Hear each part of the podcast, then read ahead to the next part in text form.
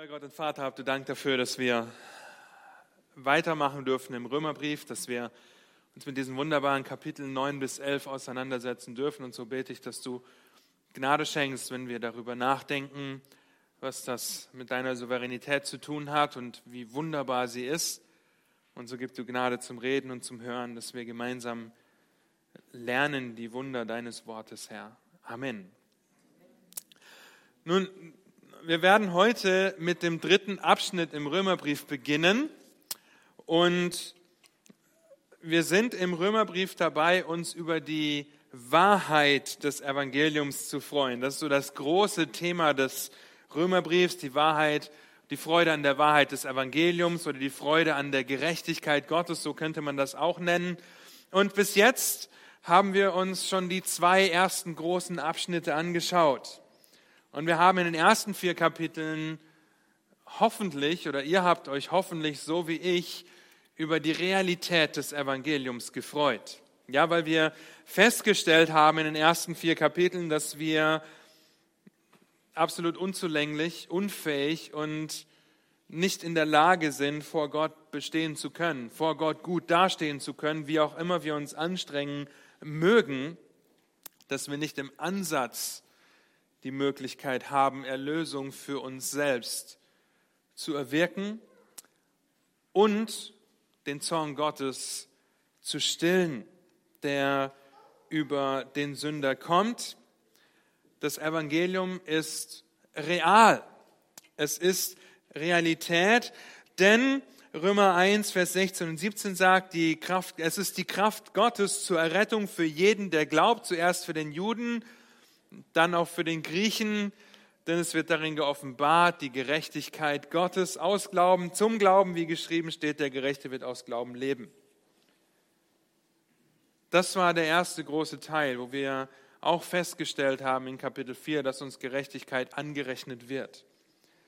Die Freude an der Realität des Evangeliums. Der zweite Teil, mit dem wir uns die letzten Wochen beschäftigt haben, Kapitel 5 bis 8, zeigt uns die Sicherheit des Evangeliums auf, die Freude an der Sicherheit des Evangeliums, die Sicherheit, die uns als Kindern Gottes nicht genommen werden kann. Nicht genommen werden kann, weil wir durch Jesus Frieden mit Gott haben und in Christus keine Verdammnis mehr existiert. Wir haben unter anderem festgestellt, und ich hoffe, ihr wart so ermutigt wie ich, dass unsere Errettung und die Sicherheit unserer Errettung nicht von uns abhängig ist. Ja, nicht von meinem Tun, meinem Handeln, von eurem Handeln abhängig ist, sondern dass sie von Gott gewirkt ist und durch die Auferstehung, in der Auferstehung unseres Herrn Jesus Christus garantiert ist. Und so haben wir uns vor einigen Wochen mit diesen letzten wunderbaren Versen aus Kapitel 8 beschäftigt, wo Paulus ab Vers 31 sagt, was wollen wir hierzu sagen? Ist Gott für uns. Wer kann gegen uns sein? Er, der sogar seinen eigenen Sohn nicht verschont hat, sondern ihn für uns alle dahingegeben hat. Wie sollte er uns mit ihm auch nicht alles schenken? Diese Abhandlung der Fragen, dass uns nichts aus der Hand Gottes reißen kann. Vers 33, wer will gegen die Auserwählten Gottes Anklage erheben? Gott ist es doch, der rechtfertigt. Vers 34, wer will verurteilen? Christus ist es doch, der gestorben ist, ja mehr noch, der auch auferweckt ist, der auch zur Rechten Gottes ist, der auch für uns eintritt. Vers 35, wer will uns scheiden von der Liebe des Christus? Drangsal oder Angst oder Verfolgung oder Hunger oder Blöße oder Gefahr oder Schwert? Wie geschrieben steht, um deinetnamen, um deinetwillen werden getötet den ganzen Tag. Wie Schlachtschafe sind wir geachtet, aber in dem allem überwinden wir weit durch den, der uns geliebt hat. Es ist in der Liebe Christi, der Liebe Gottes zu uns verankert, dass wir unsere Errettung nicht verlieren können. Vers 38 und 39, die bekannten Verse, denn ich bin gewiss, dass weder Tod noch Leben, weder Engel noch Fürstentümer noch Gewalten, noch Hohes noch Tiefes, noch Gegenwärtiges noch Zukünftiges, noch irgendein anderes Geschöpf uns zu scheiden vermag von der Liebe Gottes, die in Christus Jesus ist, unserem Herrn. Und in diesem Zwischenraum zwischen Kapitel 1 und Kapitel 8 haben wir über Rechtfertigung gesprochen. haben wir über Erlösung gesprochen, haben wir über Gerechtigkeit und Sühne gesprochen, haben wir gesehen, wie Gott uns Gerechtigkeit anrechnet, wenn Paulus uns in Kapitel 4 dieses Beispiel von Abraham deutlich vor Augen stellt, dass ihm sein Glaube als Gerechtigkeit angerechnet wurde. Und schon vor Kapitel 4 macht Paulus, inspiriert vom Heiligen Geist, Aussagen, die deutlich machen, dass sowohl Heiden als auch Juden errettet werden. Und laut Kapitel 2, 28 und 29 nicht der ein Jude ist, der es äußerlich ist, auch nicht, dass die Beschneidung, die äußerlich am Fleisch geschieht, sondern der ist ein Jude, der es innerlich ist. Seine Beschneidung geschieht am Herzen, im Geist, nicht dem Buchstaben nach. Seine Anerkennung kommt nicht von Menschen, sondern von Gott. Oder dann in Kapitel 4, in Versen 12 und 16, wo wir in das Lied einstimmen könnten, Vater Abraham hat viele Kinder, viele Kinder hat Vater Abraham. Ich bin eins von ihnen und eins bist du, so preisen wir den Herrn. Nun, aus diesen Versen, in diesen ersten acht Kapiteln, wenn wir sie nicht, natürlich nicht im Kontext betrachten und wenn wir sie isoliert betrachten, könnte man vielleicht schließen, dass Gott die Nation Israel komplett verworfen hat, komplett beiseite gestellt hat oder beiseite geschmissen hat und sie mit der Gemeinde ersetzt hat. Die sogenannte Ersatztheorie oder Substitutionstheologie sagt aus, dass Israel absolut keine Zukunft hat, absolut verworfen ist und seit der Auferstehung Christi durch die Gemeinde oder mit der Gemeinde ersetzt wurde. Und in dieser Ersatztheorie gibt es verschiedene Nuancen. Ich, ihr werdet gleich verstehen, warum wir das alles betrachten. Zum einen ist da zum Beispiel das Typologiemodell. Meine Güte. Ja, in dem Israel lediglich auf die Gemeinde hindeutet und das nur so lange der Fall ist, bis die Gemeinde entstanden ist. Also bis Apostelgeschichte 2 und ab da spielt Israel absolut keine Rolle mehr. Oder da ist zweitens das Illustrationsmodell. Und wir sehen in der Schrift, dass Israel ein, ein Vorbild für uns ist und auch ein Negativvorbild. Äh, Vorbild. Aber bei dem Illustrationsmodell in der Ersatztheorie geht es darum, dass Israel nur ein negatives Vorbild für uns ist, für die gesamte Menschheit und dass Gottes Zorn für immer auf Israel ruht. Okay?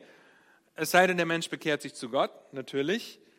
Ähm, und zu guter Letzt ist da noch das Substitutionsmodell. Und laut diesem Modell oder laut dieser Nuance in der Ersatztheorie ist Israel einfach nur ein Beispiel für Religiosität und Gottesbezug des Menschen, das halt irgendwas mit Gott zu tun hat. Ähm, die Vertreter gerade in diesem Bereich sagen, dass selbst Jesus nur ein religiöser Mensch sei, der einen Gottesbezug wichtig und deutlich macht. Okay? Die Herausforderung, die dahinter steht, ist natürlich die Bibelkritik. Ja, dass es ähm, jetzt gerade bei dem Substitutionsmodell sehr weit geht. Vertreter, ähm, bekannte Vertreter, Namen, die ihr vielleicht schon gehört habt, dieser Ersatztheorie, nur damit ihr das einordnen könnt, falls ihr irgendwann mal was von diesen Männern lest, ähm, sind tatsächlich unter anderem der späte Luther, also Martin Luther in seinen späten Jahren ist er dazu gekommen und äh, wir wissen aus, diesen, aus dieser dunklen Zeit Luthers, dass er die Juden verabscheute. Ja? Ähm, andere Vertreter sind Bultmann, Käsemann und Ebeling. Das sind durchaus Namen, die, die geläufig sind in der theologischen Welt in Deutschland, die diese Ersatztheorie vertreten und verschiedene Nuancen davon betrachten oder glauben. Nun, warum sage ich das alles? Ich sage das alles, weil Paulus jetzt zu einem Abschnitt im Römerbrief kommt, in dem er das Evangelium im Endeffekt verteidigt. Freude an der Verteidigung des Evangeliums soll unser nächster Abschnitt im Römerbrief sein. Und das einbettet in den großen, souveränen Heilsplan Gottes. Und wenn er das in den großen Plan Gottes einbettet, dann muss er Bezug auf das Volk Israel nehmen. Und so geht er in, in diesen drei Kapiteln, Kapitel 9 bis 11 im Römerbrief, sowohl auf die Vergangenheit des Volkes ein, in Kapitel 9, auf die Gegenwart, wie es jetzt gerade ist in Kapitel 10 und die Zukunft dann in Römer 11, um, um deutlich zu machen, dass Gottes souveräner Plan am Ende aufgeht und aufgehen wird. Und wir sind an einer Stelle im Römerbrief, an dem sich die Römer und auch die Leser heute nach den ersten acht Kapiteln eine Frage stellen könnten. Und die Frage lautet, okay, wir wissen, dass Gott einen Bund mit Abraham geschlossen hat. Sollte es wirklich so sein, dass Gott Israel völlig verworfen hat? Das ist die eine Frage. Die nächste Frage, die aber sehr viel mehr damit einhergeht und viel wichtiger ist, wie kann ein Christ der Berufung, mit der er berufen worden ist, noch trauen, wenn Israel, das einst berufen wurde, seine Bestimmung nicht erreicht? Versteht ihr das? Er fängt jetzt an, das Evangelium zu verteidigen und das nicht durch einen unnötigen Einschub zu machen. Kapitel 9 bis 11 sind kein unnötiger Einschub, denn manche sagen, okay, Paulus hätte eigentlich von Kapitel 8 direkt zu Kapitel 12 gehen sollen, von der Sicherheit zur Anwendung. Aber nein, Kapitel 9 bis 11 sind integraler Bestandteil, weil sie diese Frage beantworten, wie kann ein Christ der Berufung, mit der er berufen worden ist, noch trauen, wenn Israel, das einst berufen wurde, seine Bestimmung nicht erreichen sollte. Ja, und so fängt Paulus an, das Evangelium zu verteidigen. Paulus wird Israel in diesen drei Kapiteln aber auch nicht einfach nur dafür benutzen, um einen theologischen Punkt, wie zum Beispiel die Erwählungslehre oder die Gerechtigkeit Gottes deutlich zu machen. Nicht nur, er geht darauf ein, wir werden dahin kommen. Nein, er spricht über das wirkliche Israel und die Implikationen des Evangeliums für Gottes auserwähltes Volk, auch im Alten Testament. In Kapitel 9 bis 11 löst Paulus folgende Spannung auf. Und die Spannung ist, dass die Juden die Empfänger vieler Privilegien sind. Das könnt ihr in Kapitel 9 lesen. Dass sie aber nicht die Erlösung durch Christus erfahren oder angenommen haben. Auch das könnt ihr in den ersten fünf Versen von Kapitel 9 lesen. Dass die Juden die Objekte von Gottes erwählender Liebe sind und doch im Licht des Evangeliums Feinde Gottes sind. Ja, das ist ein, okay, wie, wie gehen wir damit um? Ja, und so sind Römer 9 bis 11 ein, ein Spannungsfeld, das Paulus versucht zu lösen, indem er das Ganze in den souveränen Plan Gottes einbaut. In den souveränen Plan, der aufgeht. Ja, und der was diese drei Kapitel sehr deutlich machen. Und weil er das jetzt einbettet in den Gesamtkontext des Ratschlusses und des Plans Gottes, finden wir in den Kapiteln 9 bis 11 fast ein Drittel der alttestamentlichen Zitate, die Paulus im Römerbrief benutzt. Okay, in drei Kapiteln finden wir ein Drittel der alttestamentlichen Zitate, um einfach aufzuzeigen, okay, es hat seinen Bestand, es hat seinen Wert und es wird seinen Wert haben. Es geht um die Beständigkeit Gottes und über die Übereinstimmung dessen, was Gott gerade, was Paulus gerade geschrieben hat. Ja, über die Übereinstimmung dessen, was Paulus gerade geschrieben hat, mit dem, was Gottes Wort zur damaligen Zeit primär das Alte Testament sagt. Den Römern lag hauptsächlich ein Großteil oder lag hauptsächlich das Alte Testament vor. Benedikt Peters, ein Kommentator, sagt treffend, Zitat, wenn die Lehre von der Rechtfertigung durch den Glauben, wie Paulus sie in den Kapiteln 1 bis 8 dargelegt hat, wahr ist, darf sie nicht im Widerspruch stehen zu den Verheißungen und zur besonderen Berufung der Nachkommen Abrahams, das heißt des Volkes Israel. Tut sie das, kann das Evangelium nicht die Wahrheit Gottes sein, denn Gott kann nicht etwas verheißen und dann nicht erfüllen. Hm. Was meint er damit? Dazu gehen wir zurück zu 5. Mose Kapitel 28. Ihr habt dieses Kapitel schon häufig gehört. Es geht um Segen und Fluch. Segen bei Gehorsam, Fluch bei Ungehorsam. In 5. Mose 28 ab Vers 32 macht Gott deutlich, dass Israel sich vom Herrn abwenden wird und in die Hand heidnischer Könige gegeben wird, weil sie ungehorsam sind. Ja, und ihr müsst nicht sehr viel weiterlesen in Gottes Wort, um im Buch der Richter zu sehen, wie Gottes Volk, wie an jeder Tat, was recht war in seinen Augen und wie sie ein Gräuel im, vor dem Herrn waren. In 5. Mose 28 Abvers 49 spricht Gott sogar von Vertreibung aus dem verheißenen Land und von Gefangenschaften. Und im letzten Vers dieses Kapitels, in Vers 69, lesen wir dann, dies sind die Worte des Bundes, von dem der Herr dem Mose gebot, ihn mit den Kindern Israels zu schließen im Land Moab, außer dem Bund, den er mit ihnen am Horeb, am Horeb geschlossen hatte. Nun, das ist der Bund mit Israel. Fluch und Segen bei Ungehorsam bzw. Gehorsam. Ein paar Jahrhunderte später verkündigt Gott durch seinen Propheten Jeremia die deutliche Gerichtsbotschaft und Gefangenschaft weil das Volk Gottes immer verderbter, immer böser, immer abscheulicher handelte.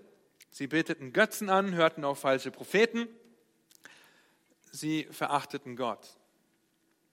Aber in dem ganzen, in dem ganzen Propheten Jeremia gibt es einen Lichtblick der Wiederherstellung Israels. Kapitel 31, Verse 3 bis 5, dort heißt es, von ferne ist mir Jahwe erschienen mit ewiger Liebe habe ich dich geliebt. Darum habe ich dich zu mir gezogen aus lauter Gnade. Hier spricht Jahwe über sein Volk Israel. Ich will dich wieder aufbauen. Ja, du wirst aufgebaut, darf stehen, du Jungfrau Israel, du sollst dich wieder mit deinen Handpauken schmücken und ausziehen in fröhlichen Reigen. Du wirst auf den Höhen Samarias wieder Weinberge pflanzen, die sie angelegt haben, sollen sie auch genießen. Denn es kommt ein Tag, da die Wächter auf dem Bergland von Ephraim rufen werden, macht euch auf, lasst uns nach Zion gehen, zu Jahwe, unserem Gott. Das wird Realität sein für das Volk Israel. Und wenn ihr euch an unsere Tagung Lebendige Hoffnung erinnert, hat Dieter uns Kapitel 11 schon ausgelegt und die Barmherzigkeit Gottes so wunderbar aufgezeigt. Wie passt das also mit dem Evangelium und dem Volk Israel heute zusammen? Das geht aus Römer 9 bis 11 sehr deutlich hervor, dass die Gemeinde Israel nicht ersetzt hat. Ja, dass Israel eine Zukunft hat. Und das zentrale, diese, zentrale Thema dieser Kapitel ist eigentlich die Souveränität Gottes. Ja, dass Paulus jetzt anfängt, seine Aussagen zu verteidigen, indem er auf die Souveränität Gottes blickt. Und ein weiterer Kommentator schreibt dazu, Zitat, da Gott ein in sich selbst existierendes Wesen ist, der Schöpfer von allem ist, was außerhalb seiner selbst existiert, ist er souverän und kann seine Schöpfung nach Belieben einsetzen und über sie verfügen. Diese Souveränität enthüllt nicht nur seine persönliche Gerechtigkeit, sondern auch die von ihm bereitgestellte Gerechtigkeit. Wenn Gott sich also niemals selbst widerspricht, weil er nicht lügen kann, weil er sonst ein Lügner wäre und er kann das nicht, dann bedeutet das, dass Israel und die Gemeinde in Gottes souveränen Plan einen Platz haben und im Endeffekt das Verständnis davon gar nicht so kompliziert ist, wie es einige zu versuchen oder wie es einige zu sagen meinen. Ja? Ähm, dieser Einschub, wie manche das nennen, den Paulus hier macht, ist von größter Bedeutung für uns. Okay? Weil wir sehen, dass sich nicht bestreiten lässt, dass Gott dem Volk Israel Heil und Herrlichkeit verheißen hat. Wir haben gerade von der Wiederherstellung gelesen. Wir lesen in Kapitel 9 von dem absoluten Vorrecht, dass Israel die Aussprüche Gottes anvertraut wurden. Auf der anderen Seite sehen wir, dass das Volk, das gesamte Volk trotzdem nicht gerettet worden ist. Stattdessen sind Scharen von Heiden gerettet worden, zu denen auch die meisten von uns gehören. Wir sind Nutznießer davon, durch Gottes Gnade errettet worden zu sein und eingepfropft worden zu sein. Wir werden das im Detail anschauen. Und Paulus befindet sich zwischen einer, einer Trauer, die er hat für das Volk Israel, und dem Lobpreis, den er sieht, wenn er Gottes Barmherzigkeit betrachtet. Römer 9, Vers 1 bis 3 heißt es, ich sage die Wahrheit in Christus, ich lüge nicht, wie mir mein Gewissen bezeugt im Heiligen Geist, dass ich große Traurigkeit und unablässigen Schmerz in meinem Herzen habe. Ich wünschte nämlich, selber von Christus verbannt zu sein für meine Brüder, meine Verwandten nach dem Fleisch. Also die, die Trauer, die Paulus hat, dass seine Landsleute, die Juden, nicht erkennen, dass Gottes Gerechtigkeit im Evangelium geoffenbart wurde und die Kraft hat zu erretten. Und dann dieser wunderbare Abschluss, Kapitel 11, Vers 33 bis 36, der Lobpreis nach dem Blick auf die Barmherzigkeit Gottes. Oh, welche Tiefe des Reichtums, sowohl der Weisheit als auch der Erkenntnis Gottes. Wie unergründlich sind seine Gerichte und wie unausforschlich seine Wege. Denn wer hat den Sinn des Herrn erkannt? Oder wer ist sein Ratgeber gewesen? Oder wer hat ihm etwas zuvor gegeben, dass es ihm wieder vergolten werde? Denn von ihm und durch ihn und für ihn sind alle Dinge. Ihm sei die Ehre in Ewigkeit. Amen. Und so wollen wir uns die nächsten Male, in denen wir uns mit dem Römerbrief beschäftigen, mit der Freude an der Verteidigung des Evangeliums auseinandersetzen, in der Gottes Souveränität groß gemacht wird die Verteidigung des Evangeliums, die absolut in Gottes Souveränität verankert ist. Darüber nachzudenken, ich hoffe, das wird uns staunen lassen, uns ermutigen, weil diese drei Kapitel besonders großartige Wahrheiten für uns bereithalten. Um den folgenden Kapiteln eine grobe Gliederung zu geben, die ich euch zeigen möchte, ähm, halte ich mich ein bisschen an Douglas Moo, einer der der Kommentatoren zum Römerbrief. Wir sehen in der Gliederung zunächst die Einführung in das Problem, das Paulus lösen wird. Lass uns die Verse 1 bis 5 dazu lesen. Ich sage die Wahrheit in Christus, ich lüge nicht, wie mein Gewissen bezeugt im Heiligen Geist, dass ich große Traurigkeit und unerlässigen Schmerz in meinem Herzen habe. Ich wünschte nämlich selber von Christus verbannt zu sein für meine Brüder, meine Verwandten nach dem Fleisch, die Israeliten sind, denen die Sohnschaft und die Herrlichkeit und die Bündnisse gehören und die Gesetzgebung und der Gottesdienst und die Verheißungen. Ihnen gehören auch die Väter an und von ihnen stammt dem Fleisch nach der Christus, der über allen ist, hochgelobter Gott in Ewigkeit. Amen. Wir sehen zum einen das Versagen der Juden, das Evangelium anzunehmen und den Eifer, den Paulus verspürt, dass er sich selbst für sie hingeben würde.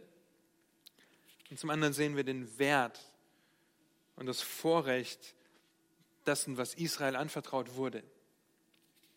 Wir sehen in den nächsten Versen 6 bis 9, 9, Vers 6 bis 29 die Verteidigung der Aussage, die in 6 Vers a trifft. Dort heißt es nämlich, nicht aber, dass, Gottes, dass das Wort Gottes nun hinfällig wäre. Das ist die Aussage.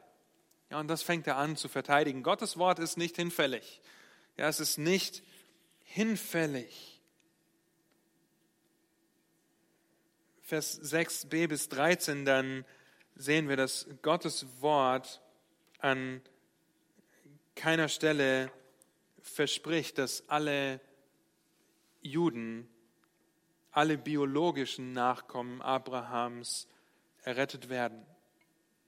Vers 14 bis 23 sehen wir, dass die Errettung nie ein Geburtsrecht der Israeliten gewesen ist, sondern immer ein Geschenk der Erwählung und der Gnade Gottes. 24 bis 29, dann sehen wir ein Geschenk, das Gott sowohl den Juden als auch den Heiden zuspricht. Im nächsten Abschnitt dann sehen wir Vers, Kapitel 9 ab Vers 30 bis einschließlich Kapitel 10 die Verbindung durch die rhetorische Frage. Was ist die rhetorische Frage? Was wollen wir nun hierzu sagen? Was wollen wir sagen? Dass Heiden, die nicht nach Gerechtigkeit strebten, Gerechtigkeit erlangt haben und so weiter, dann führt er das aus. Aber nicht nur, dass er das ausführt, er zeigt den überraschenden Wendepunkt des Evangeliums auf. Juden stehen mehr oder weniger an der Seitenlinie, sie sind nicht raus aus dem Spiel. Ja, sie stehen an der Seitenlinie, während Heiden zum Glauben kommen. Kapitel 9, Vers 30 bis 33 heißt es, was wollen wir nun sagen? Dass Heiden, die nicht nach Gerechtigkeit strebten, Gerechtigkeit erlangt haben, und zwar die Gerechtigkeit aus Glauben. Dass aber Israel, das nach dem Gesetz der Gerechtigkeit strebte, das Gesetz der Gerechtigkeit nicht erreicht hat. Warum? Weil es nicht aus Glauben geschah, sondern aus Werken des Gesetzes. Denn sie haben sich gestoßen an dem Stein des Anstoßes. Wie geschrieben steht, siehe, ich lege in Zion einen Stein des Anstoßes, einen Fels des Ärgernisses und jeder, der an ihn glaubt, wird nicht zu Schanden werden. Und wir wissen, dass das sich auf Christus bezieht. Heiden kommen zum Glauben, Juden nehmen Anstoß. Kapitel 11, die ersten zehn Verse sind dann eine Zusammenfassung und eine Vorbereitung auf das Bestehen Israels. Ich lese die ersten fünf Verse in Kapitel 11. Ich frage nun, hat Gott etwa sein Volk verstoßen? Das sei ferne, denn auch ich bin ein Israelit aus dem Samen Abrahams, aus dem Stamm Benjamin. Gott hat sein Volk nicht verstoßen, das er zuvor ersehen hat. Oder wisst ihr nicht, was die Schrift bei Elia sagt, wie er vor Gott gegen Israel auftritt und spricht, Herr, Sie haben deine Propheten getötet und deine Altäre zerstört und ich bin allein übrig geblieben und sie trachten mir nach dem Leben. Aber was sagt ihm die göttliche Antwort? Ich habe mir 7000 Männer übrig bleiben lassen, die ihr Knie nicht gebeugt haben vor Baal. So ist nun auch in der jetzigen Zeit ein Überrest vorhanden aufgrund der Gnadenwahl. Wir werden im Detail dazu kommen, wenn wir diese Verse auslegen. Und dann in den nächsten Versen bis Vers 32 in Kapitel 11 sehen wir Israels Zustand. Israels derzeitigen Zustand, der aber nicht, der nicht so bleibt, okay? Der nicht unauflöslich ist, weil Gott Israel retten wird. Ich lese die Verse 11 bis 15. Dann heißt es, ich frage nun, also wir finden ein paar Fragen in diesen Kapiteln, auch hier. Ich frage nun, sind sie denn gestrauchelt, damit sie fallen sollten? Das sei ferne. Sondern durch ihren Fall wurde das Heil den Heiden zuteil, um sie zur Eifersucht zu reizen. Wenn aber ihr Fall der Reichtum der Welt und ihr Verlust der Reichtum der Heiden geworden ist, wie viel mehr ihre Fülle? Denn zu euch, den Heiden, rede ich, weil ich Apostel der Heiden bin, bringe ich meinen Dienst zu Ehren, ob ich irgendwie meinen Volksgenossen zur Eifersucht zu reizen und etliche von ihnen erretten kann. Denn wenn ihre Verwerfung die Versöhnung der Welt zur Folge hatte, was wird ihre Annahme anders zu folgen haben als Leben aus den Toten? Vers 16. Wenn aber die Erstlingsgabe heilig ist, so ist es auch der Teig. Und wenn die Wurzel heilig ist, so sind es auch die Zweige. Also Israel wird an keiner Stelle völlig und für immer verworfen. Und dann natürlich die großartige Erhöhung Gottes aufgrund dieser Tatsache, aufgrund von Gottes Souveränität, dass er derjenige ist, der am Ende hoch zu loben ist, auch wenn wir es nicht, vielleicht nicht ganz greifen können, weil wer hat dem Herrn jemals einen Rat gegeben? Oder wer hat ihm irgendetwas gegeben, das Gott es ihm vergelten müsste? Niemand. Okay? Gottes souveräner Plan mit seinem Volk, Israel, mit der Gemeinde, wird aufgehen und wir werden im Detail betrachten, was das bedeutet.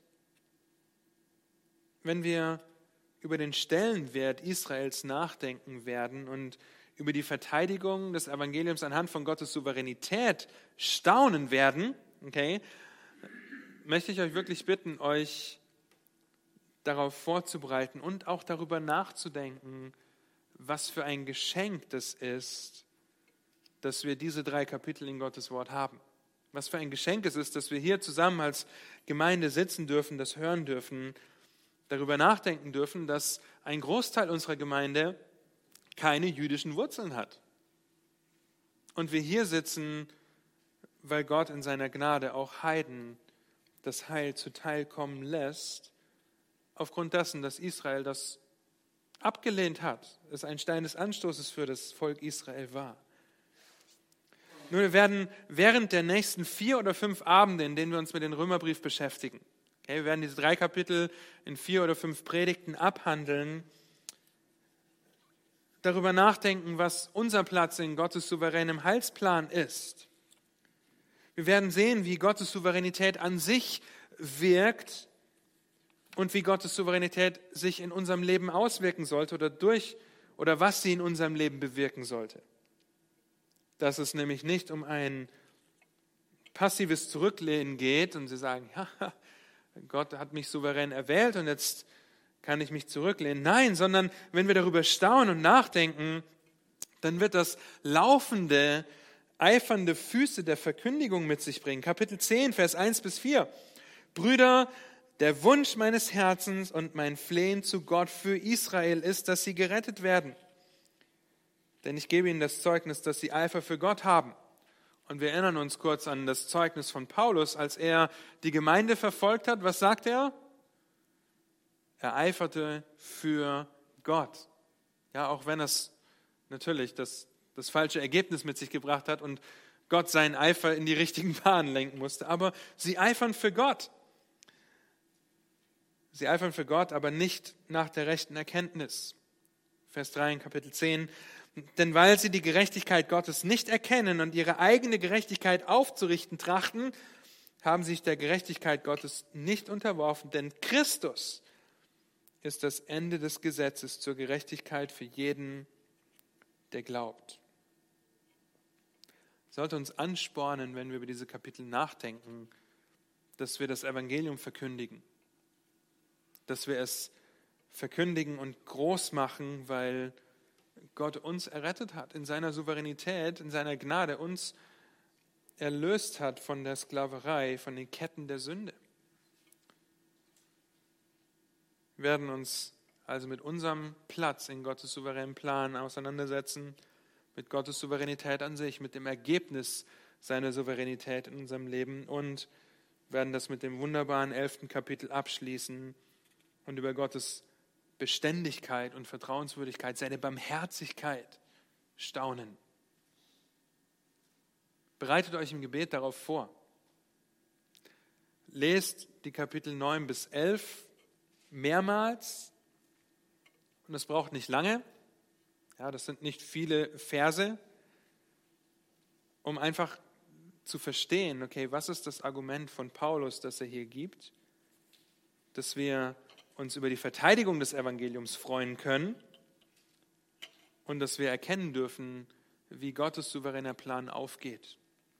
Ja, und damit sind wir am Ende von diesem groben Überblick über die Kapitel 9 bis 11 und werden in zwei Wochen mit Römer Kapitel 9, die Verse 1 bis 13 beginnen, uns anzuschauen, was unser Platz in, in Gottes souveränen Plan ist, wenn wir das Leben von Paulus betrachten und das, was er den Israeliten anvertraut hat, wie er einfach derjenige ist, der wirkt. Wir sind heute früher fertig. Ihr dürft gleich noch die Gemeinschaft genießen. Lasst mich noch beten zum Abschluss und Gott einfach dafür preisen, dass er souverän über allem thront. Herr, und wie wir vorhin schon im ersten Teil des Gemeindelebens gelesen haben, darüber gestaunt haben. Für dich sind Nationen und Inseln wie, wie Staubkörner. Du misst die Wasser der Welt in deiner hohlen Hand ab. Du kennst jeden Stern mit Namen, du weißt um jedes Haar am Körper eines jeden Menschen. Du bist erhaben, du bist unbegreiflich groß und wir können nicht anders als zu staunen. Doch hast du einen Plan gefasst, zu retten, hast deinen Sohn gesandt auf diese Erde, um am Kreuz für uns zu sterben. Hast deinen Sohn gesandt, Vater, um deinen Zorn zu stillen, damit wir Gemeinschaft, Frieden mit dir haben können, dass es keine Verdammnis gibt, damit wir sagen können, aber Vater, weil wir deine Kinder sind. Herr, und doch sehen wir in deinem Plan, dass du dein Volk nicht verworfen hast und dürfen darüber staunen, wenn wir uns über deinen souveränen Plan Gedanken machen, deine Souveränität betrachten und bestaunen und sie uns dazu dient, uns zu ermutigen, zu wissen, dass die Berufung, mit der dein Volk berufen wurde, die Berufung, mit der wir berufen sind, fest in deiner Souveränität verankert sind und nichts das jemals auflösen wird. Ich bete, dass wir darüber staunen, uns darüber freuen und im Ansatz verstehen, wie groß du bist. Im Ansatz begreifen, was du für uns getan hast und was du tun wirst. Und dass uns das eifern lässt für dich und dein Evangelium. Dass wir dich groß machen durch unser Leben, durch unsere Worte, durch unsere Taten im Leben der Menschen um uns herum, die dich nicht kennen. Ich danke dir für diesen Abend, ich danke dir für die Gemeinschaft, die wir haben dürfen. Ich danke dir dafür, dass du uns in deinen Leib gestellt hast, Herr. Amen.